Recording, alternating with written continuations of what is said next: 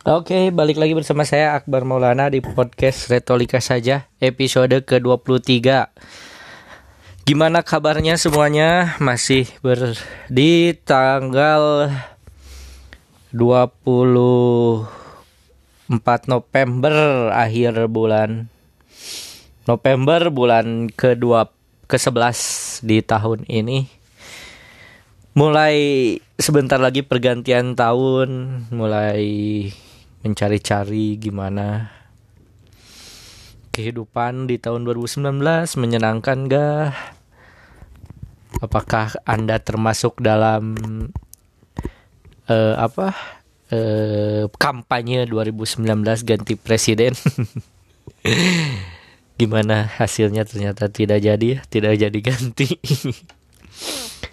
eh uh, saya saya masih maksudnya masih mendengarkan saya kan di sini di bersama saya Akbar orang yang tidak terkenal. Ya nggak apa-apa ya.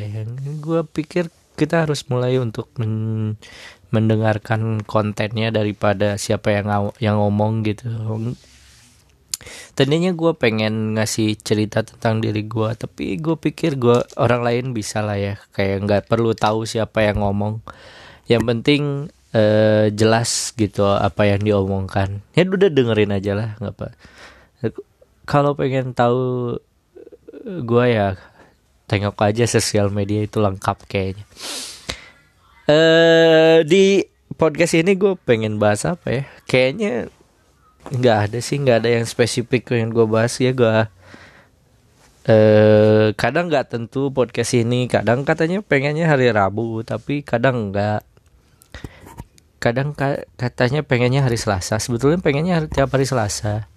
Cuman kadang e, gara-garanya e, sering siarannya malam sab malam minggu atau minggu gitu. Dan pas hari Selasanya materinya nggak ada gitu. Nah kayaknya mungkin buat Selasa depan gue pengen nyari jadi jadi lebih peka lah nulis topik-topik apa yang paling penting gitu. Topik apa yang akan pengen aku bahas. Jadi biar nanti pas hari Selasa ada bahan lagi yang ingin aku bahas uh, gue bahas di podcast ini.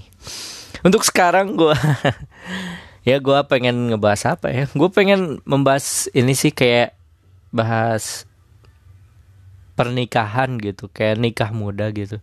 Menurut gue nikah muda itu yang ya nggak apa-apa gitu. Maksud gue gue tuh gue tuh kemarin ya sempet kayak baca orang-orang yang sukses gitu di usia muda kayak berprestasi ini ini ini gitu. Kayak kayak maksud gue orang-orang yang berhasil meraih kuliah tinggi atau dapat beasiswa ke luar negeri atau misalnya dapat jabatan tinggi gitu atau dapat kesempatan bener dapat kesempatan kuliah di uh, pendidikan yang elit dapat beasiswa padahal orang itu susah misalnya atau padahal orang itu uh, masuk dalam kalangan miskin gitu dan itu dipuji diapresiasi dikasih pujian gitu. Tapi tapi maksud gue ya kayak ya maksudnya ya biasa aja gitu. Maksud gue ya kalau kayak gitu ya ya emang keren emang emang jago gitu. Tapi maksud gue ya kayak ya ya ya biasa aja gitu. Kayak kan karena menurut gua ya yang paling jago itu adalah yang memutuskan menikah di usia muda. Benar menurut gua. Jadi kalau misalnya gua berpikir ya kalau yang harus diapresiasi itu adalah yang memutuskan dia untuk menikah di usia muda gitu. Ketika dia mem lebih memilih menikah daripada sekolah gitu. Karena kenapa? Karena menurut gua ya menikah itu adalah pekerjaan yang lebih susah daripada sekolah kuliah gitu. Kayak kayak, kayak ketika orang gitu terus kayak ketika orang remaja muda gitu memilih untuk menikah gitu kayak dia tuh kayak harus didukung moral gitu kayak bro atau girl sis atau gitu kayak gue salut sama lu men. Sumpah gue aku salut sama kamu sih. Kamu tuh bisa memutuskan untuk menikah di usia gitu wah keren. Dan kamu berhasil melewati itu dengan senang hati dengan bahagia gue keren sih sama lu sumpah keren keren. Kenapa? Karena menurut gue itu susah gitu. Susah susah men. Nikah di usia muda tuh susah. Dan ketika ada orang memutuskan untuk nikah muda tuh kayak harusnya didukung gitu. Kayak bro gue akan bantu lu kalau lu ada masalah. Kalau lu punya masalah atau apa dalam rumah tangga lu gue pengen bantu. Gue apresiasi lu. Kita memutuskan itu. Gitu kan. Karena kalau masalah kuliah ya ya masalahnya ya kayak ngerjain tugas kayak kayak hal-hal yang sederhana yang nggak perlu dipuji atau diapresiasi. Wih keren kuliah keren. Kerennya lu ke ya kayak ya udah keren bener keren. Justru kalau menurut gue yang kayak gue pengennya gitu kayak uh, kalau ada orang-orang ngobrol gitu kayak kerennya tuh kayak oh gila ya dia ya kayak gue gue gue bangga sih sama dia. Kenapa men? Dia nikah loh keren kak. Kayak bener keren ya jadi bukan dipuji karena uh, dia keren ya Eh, kenapa? Ya, dia biasa ku, bisa kuliah loh ke luar negeri pakai beasiswa. Wah itu mah biasa. Nih teman gue, dia bisa nikah men, keren. Dia memutuskan nikah di usia muda. Gue coba lu bayangin, ribet susah. Nikah tuh susah. gitu ya bayangkan ya.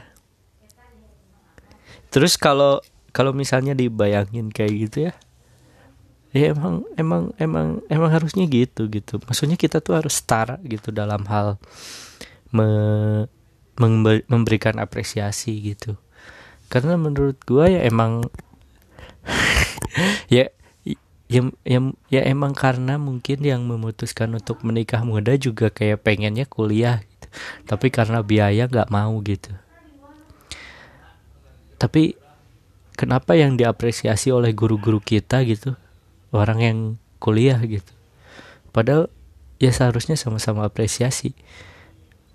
Kayak datang emang emang bangga sih datang ke nikahannya gitu. Tapi gue nggak tahu lah. Tapi kayaknya harusnya gitu sih. Harus sama-sama ngasih apresiasi baik yang memutuskan kerja kuliah atau menikah. Gue abis nonton banyak film ya akhir-akhir ini. Kayak kemarin gue abis nonton film searching tentang uh, apa mencari tentang film uh, detektif gitu.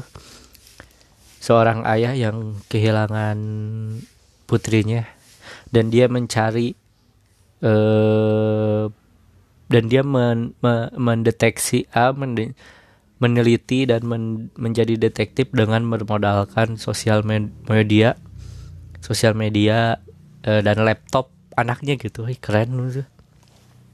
Kayak eh filmnya keren. Tapi gue nggak berusaha bahas filmnya ya. Gue pengen bahas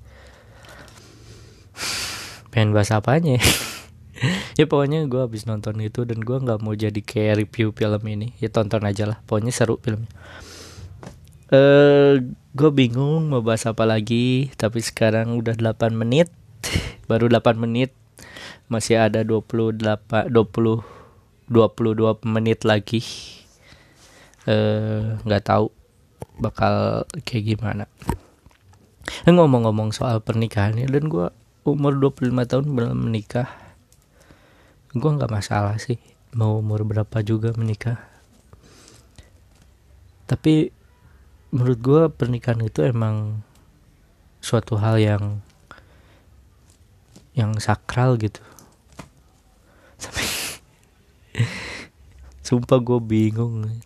Gue bingung mau bahas apa. Ya pokoknya ya itulah pandangan gue soal menikah. Pernikahan itu sakral. Tapi gue bingung punchline-nya di mana? Eh SD gua cupu. Kok jadi gitu sih? SD gua cupu ya. Uh, gua bukan orang yang keren waktu SD gue saking cupunya gue nggak berani ke toilet. Dan gue dibully satu kelas gitu kayak kayak gimana ya kayak gue gampang dibodohi gitu.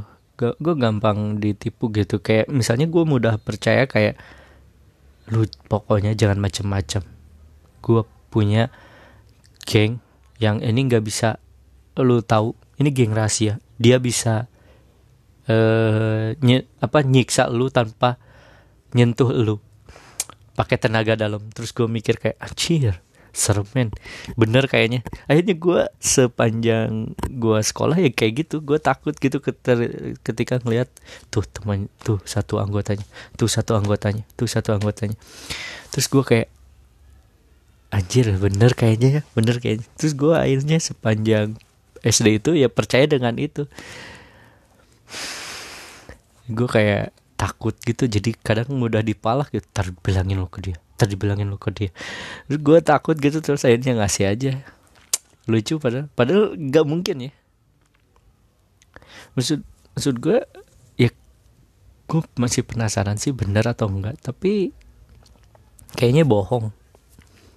Kayaknya bohong banyak hal yang eh uh, di SD gitu gue percaya satu hal tapi ternyata sekarang menyadari bahwa itu bohong, itu kebohongan gitu. Baru menyadarinya setelah 20 tahun. Gila gak lo?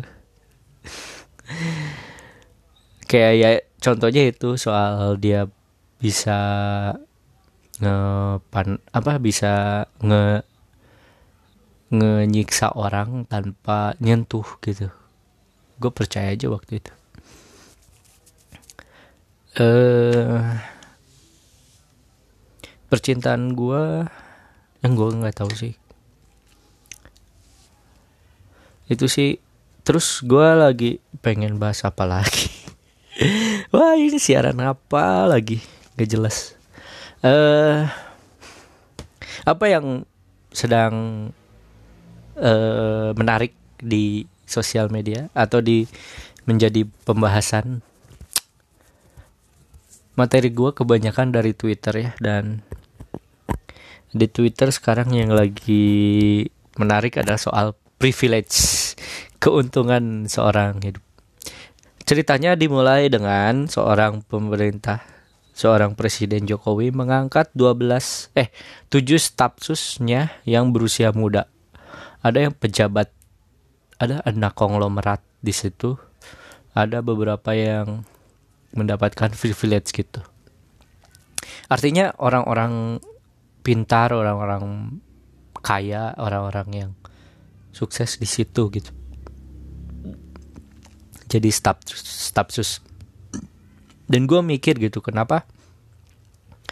Terus ada orang yang bilang kayak ya iyalah lo untung gitu lo pintar lo bisa kuliah ke luar negeri makanya lo bisa diangkat staf sus anak muda tapi ma, eh, apa anak konglomerat ya jelas lah lo bisa gitu. Tapi kemudian ramailah orang-orang nyinyirin soal dia soal privilege soal keuntungannya dia sebagai anak konglomerat makanya bisa.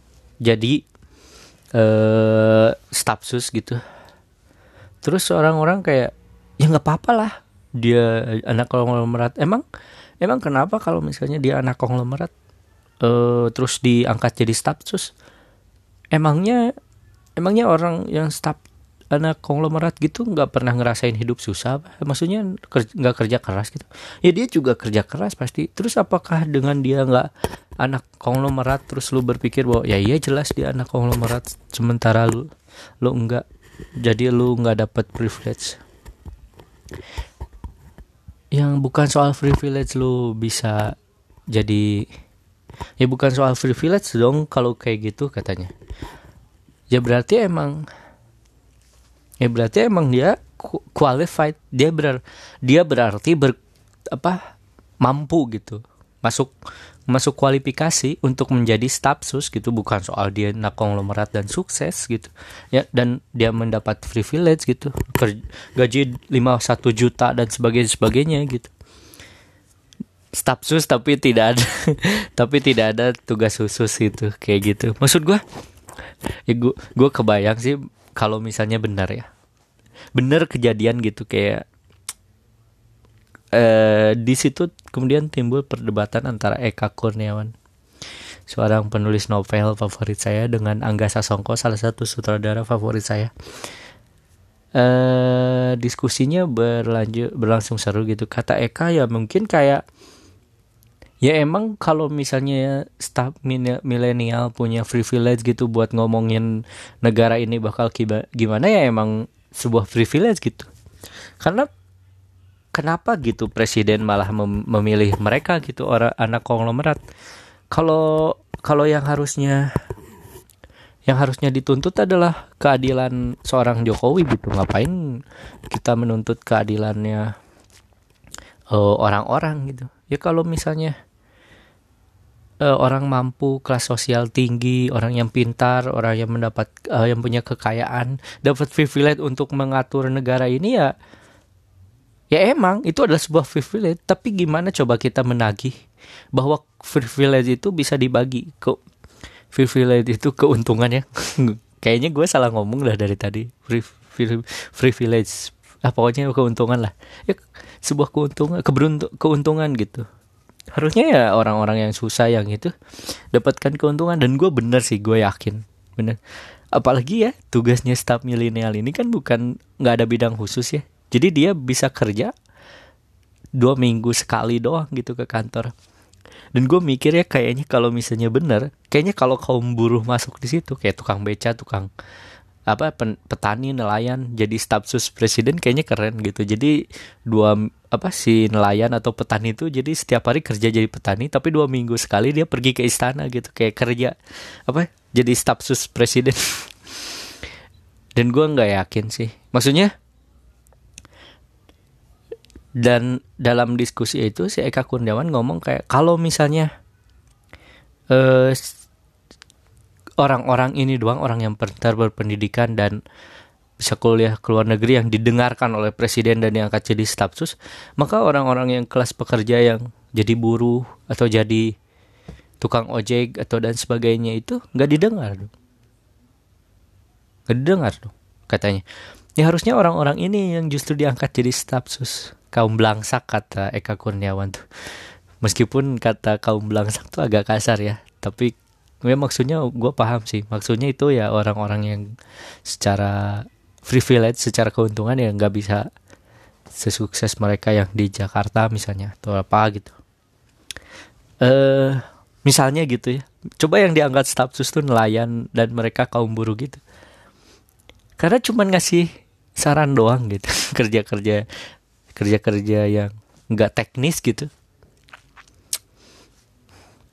Bisa kayaknya harusnya. Jadi e, nanti perspektifnya adalah berbeda gitu bahwa memang yang jadi e, perhatian dari presiden adalah soal yang didengarkan adalah stafsus saran-saran stafsus dari yang sebagai petani kaum buruh gitu. Dan gua dan gua dan gua nggak kebayang sih kalau misalnya ada ojek yang dipilih presiden sembarangan gitu jadi staff sus. Terus kayak dia post power dia jadi uh, apa ya, culture shock sih kayak dia merasa bangga dan jadi artis dadakan gitu jadi sombong sih.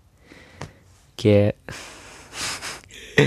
kayak jadi males ke tukang ojek lagi kayak pakai jas jauh pokoknya jadi shopping gitu kayak OKB gitu orang kayak baru yang norak gitu. Dan gue agak ragu sih. Kayak ada orang yang nyinyir gitu. Ya kamu pikir kalau misalnya staf sus itu orang belangsak gimana negara ini hey justru karena mereka itu tulus dan tidak punya kepentingan politik dan tidak ada keinginan untuk apa dia hanya menceritakan hidupnya dia gitu. Ya masa ngedengerin curhatan doang harus S1 gitu harus keluar kuliah ke luar negeri gitu yang menjalani hidup susah di Indonesia dan mengalami nasib-nasib buruk di Indonesia tuh ya orang-orang yang kayak mereka. Di negara ini emang butuh mendengarkan orang-orang itu dong gitu. Jadi kalau diangkat jadi staf sus ya mungkin lebih didengarkan gitu daripada jadi orang di luar pemerintahan yang yang gak jelas. Ya kayaknya ya. Mungkin mungkin itu ya. Harusnya jadi pertimbangan selamat hari guru. Uh, katanya hari ini nggak tahu besok itu hari guru. Ya bicara soal eh dan bicara soal profesi gitu ya pekerjaan dan pekerjaan kayaknya ya kayaknya gua kayaknya staf milenial ini disuruh disuruh presiden gitu ya. Gak, gak enak nolak sebetulnya. Gue nggak tahu ya gimana eh gimana protokol pemerintahan gitu. Kalau kalau menurut gue ya kayaknya ya sebetulnya staf sus itu ini bahas tadi bahas selamat hari guru tapi jadi bahas balik lagi sini. Ah udah amat. Eh bicara soal staf sus itu ya kayaknya mereka juga nggak mau deh jadi staf sus kayaknya mereka tuh lebih ingin jadi eh kayaknya mereka tuh nggak enak nolak gitu. Kayak kayaknya protokoler negara itu ya kalau presiden nyuruh ya wajib diikuti gitu. Ngerti nggak meskipun mereka tuh nggak mau sebetulnya. Tapi karena presiden yang minta gimana coba caranya? Gue nggak yakin sih ada yang nolak permintaan presiden.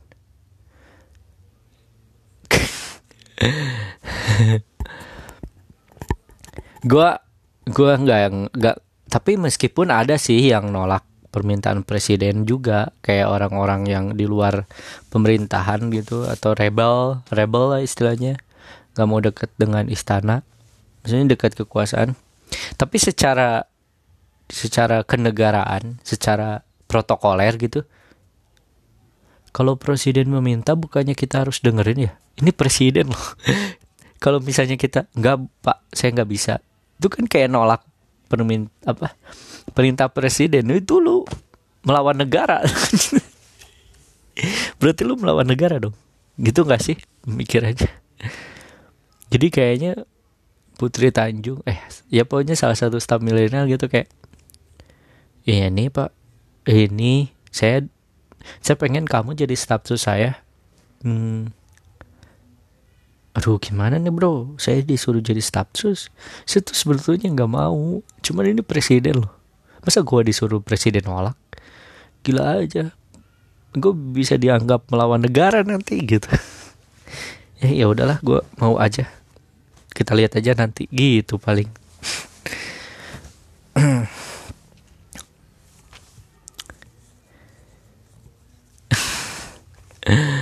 Oke, okay, 20 menit tinggal 11 menit lagi. Gue berusaha untuk tetap konsisten di angka 30 menit siarannya karena sejam susah. Eh uh, bahas hari guru ya. Selamat hari guru dan guru-guru di Indonesia emang udah ba lumayan bagus. gue nggak ngerti mau ngomong apa. Eh gimana gimana gimana sih gue mbak gue bener-bener bingung mau bahas apa ini tolong tolong tolong kasih ide dong eh uh, gue gue gue habis nonton film lain lagi. Tadi film searching terus film uh, film apa ya kemarin? Gue gue nonton film apa gue sampai lupa. Eh uh,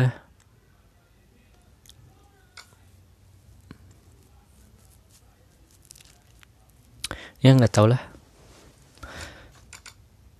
Gedan. Gue punya gue gue menyadari ya bahwa ternyata dulu dulu tuh kita mencari kawan tuh ah aku males bahas ya Allah. Bahas apa?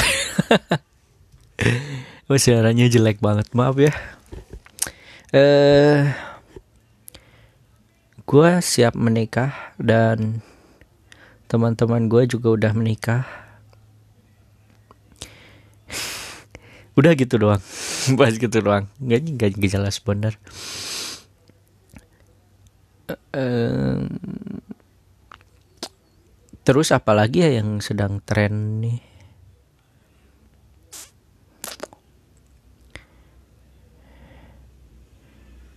Gua bahasa apa ya?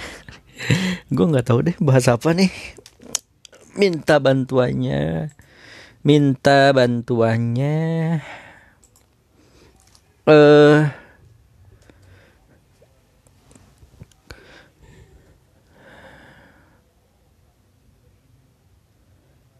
lupa itu melupakan itu susah ya.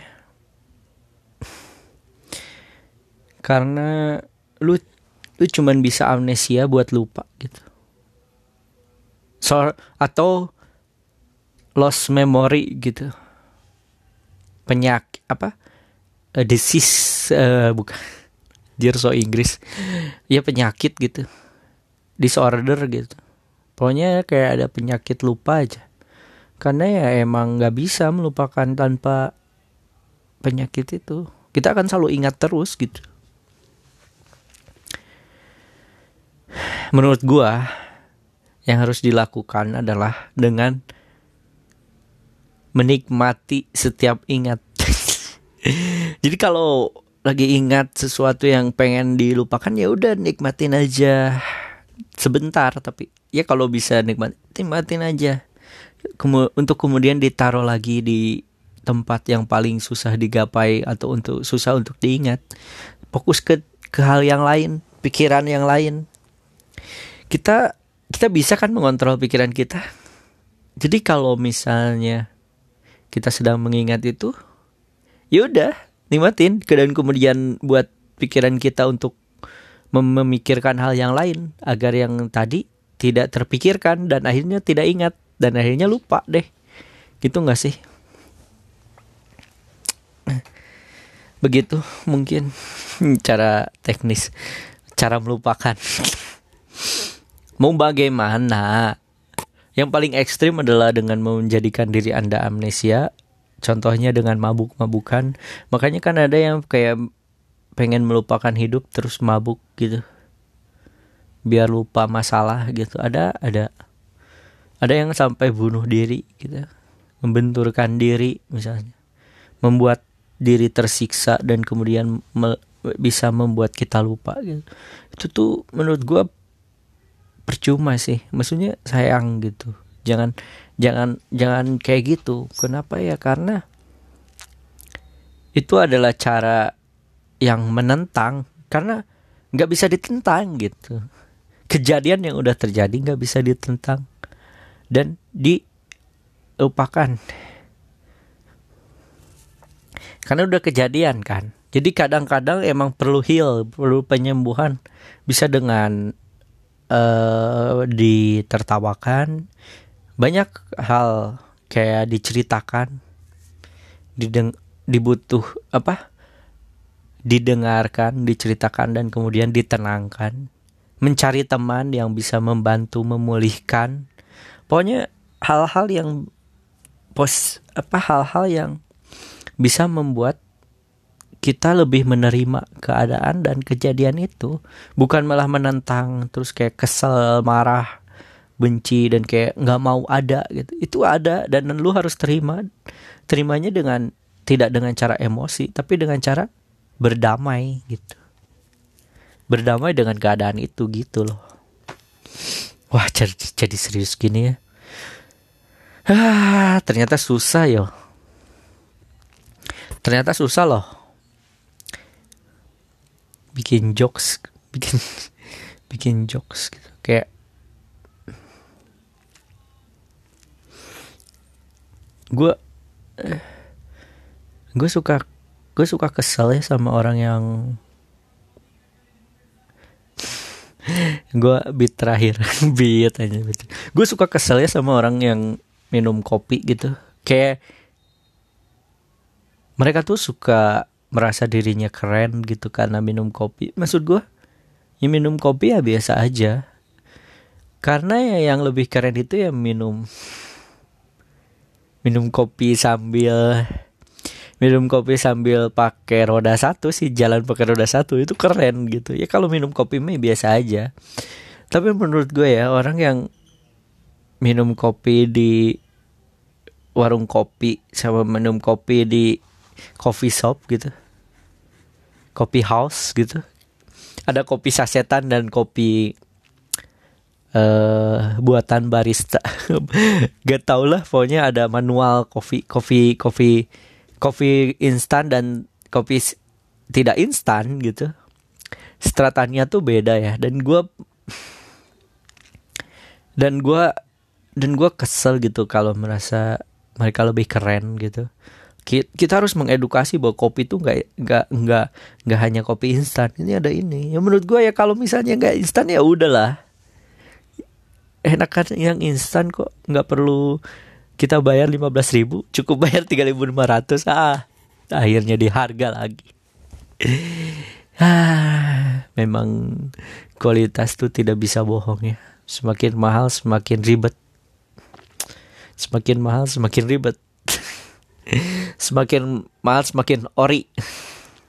Kalau kata Dave Chappelle ada grape juice ada juice grape apa ya ya pokoknya bedanya adalah kalau grape juice itu itu cuman ada air gula dan sari anggur gitu.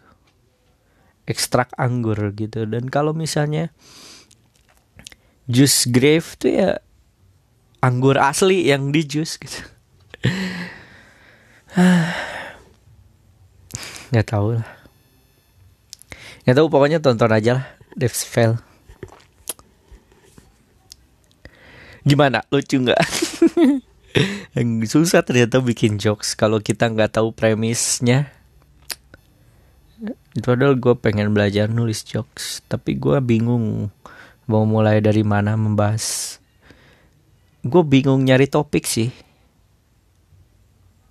Tadi aja kopi karena kepikiran aja karena akhir-akhir ini sering minum kopi gara-gara pekerjaan. Oke, udah 32 menit. Alhamdulillah. Maaf ya kalau siarannya jelek. Maaf ya kalau misalnya uh, kurang maksimal atau kayak gak jelas gini. Ya pokoknya ya kalau pengen dengerin dengerin kalau enggak ya udah nggak usah nggak banyak jangan banyak protes karena uh, gue melakukan ini untuk diri gue sendiri kayaknya. Bukan buat lo gue gue pengen punya kemerdekaan untuk menentukan bahwa ini karya gue dan terserah gue tanpa mendengarkan apa saran orang lain gitu. Gue pengen gitu ada kayak gitu. Karena ya mungkin emang harus kan ya karena emang itu tuh tanda sebuah kemerdekaan dalam berkarya sih. Ketika orang memikirkan orang kudu gini harus bahasa Sunda. Ya udah ntar gue diprotes jadi bahasa Sunda. Ganti bahasa gitu.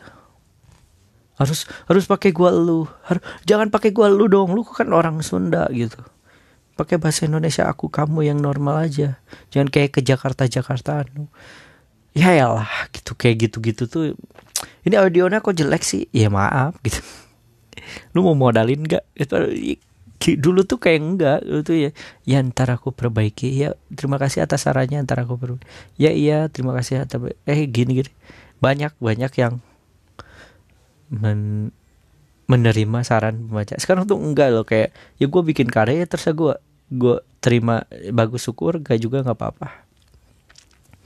Oke segitu aja. Terima kasih sudah mendengarkan. Kalau suka bagikan kalau suka kasih tahu saya. Terima kasih dah.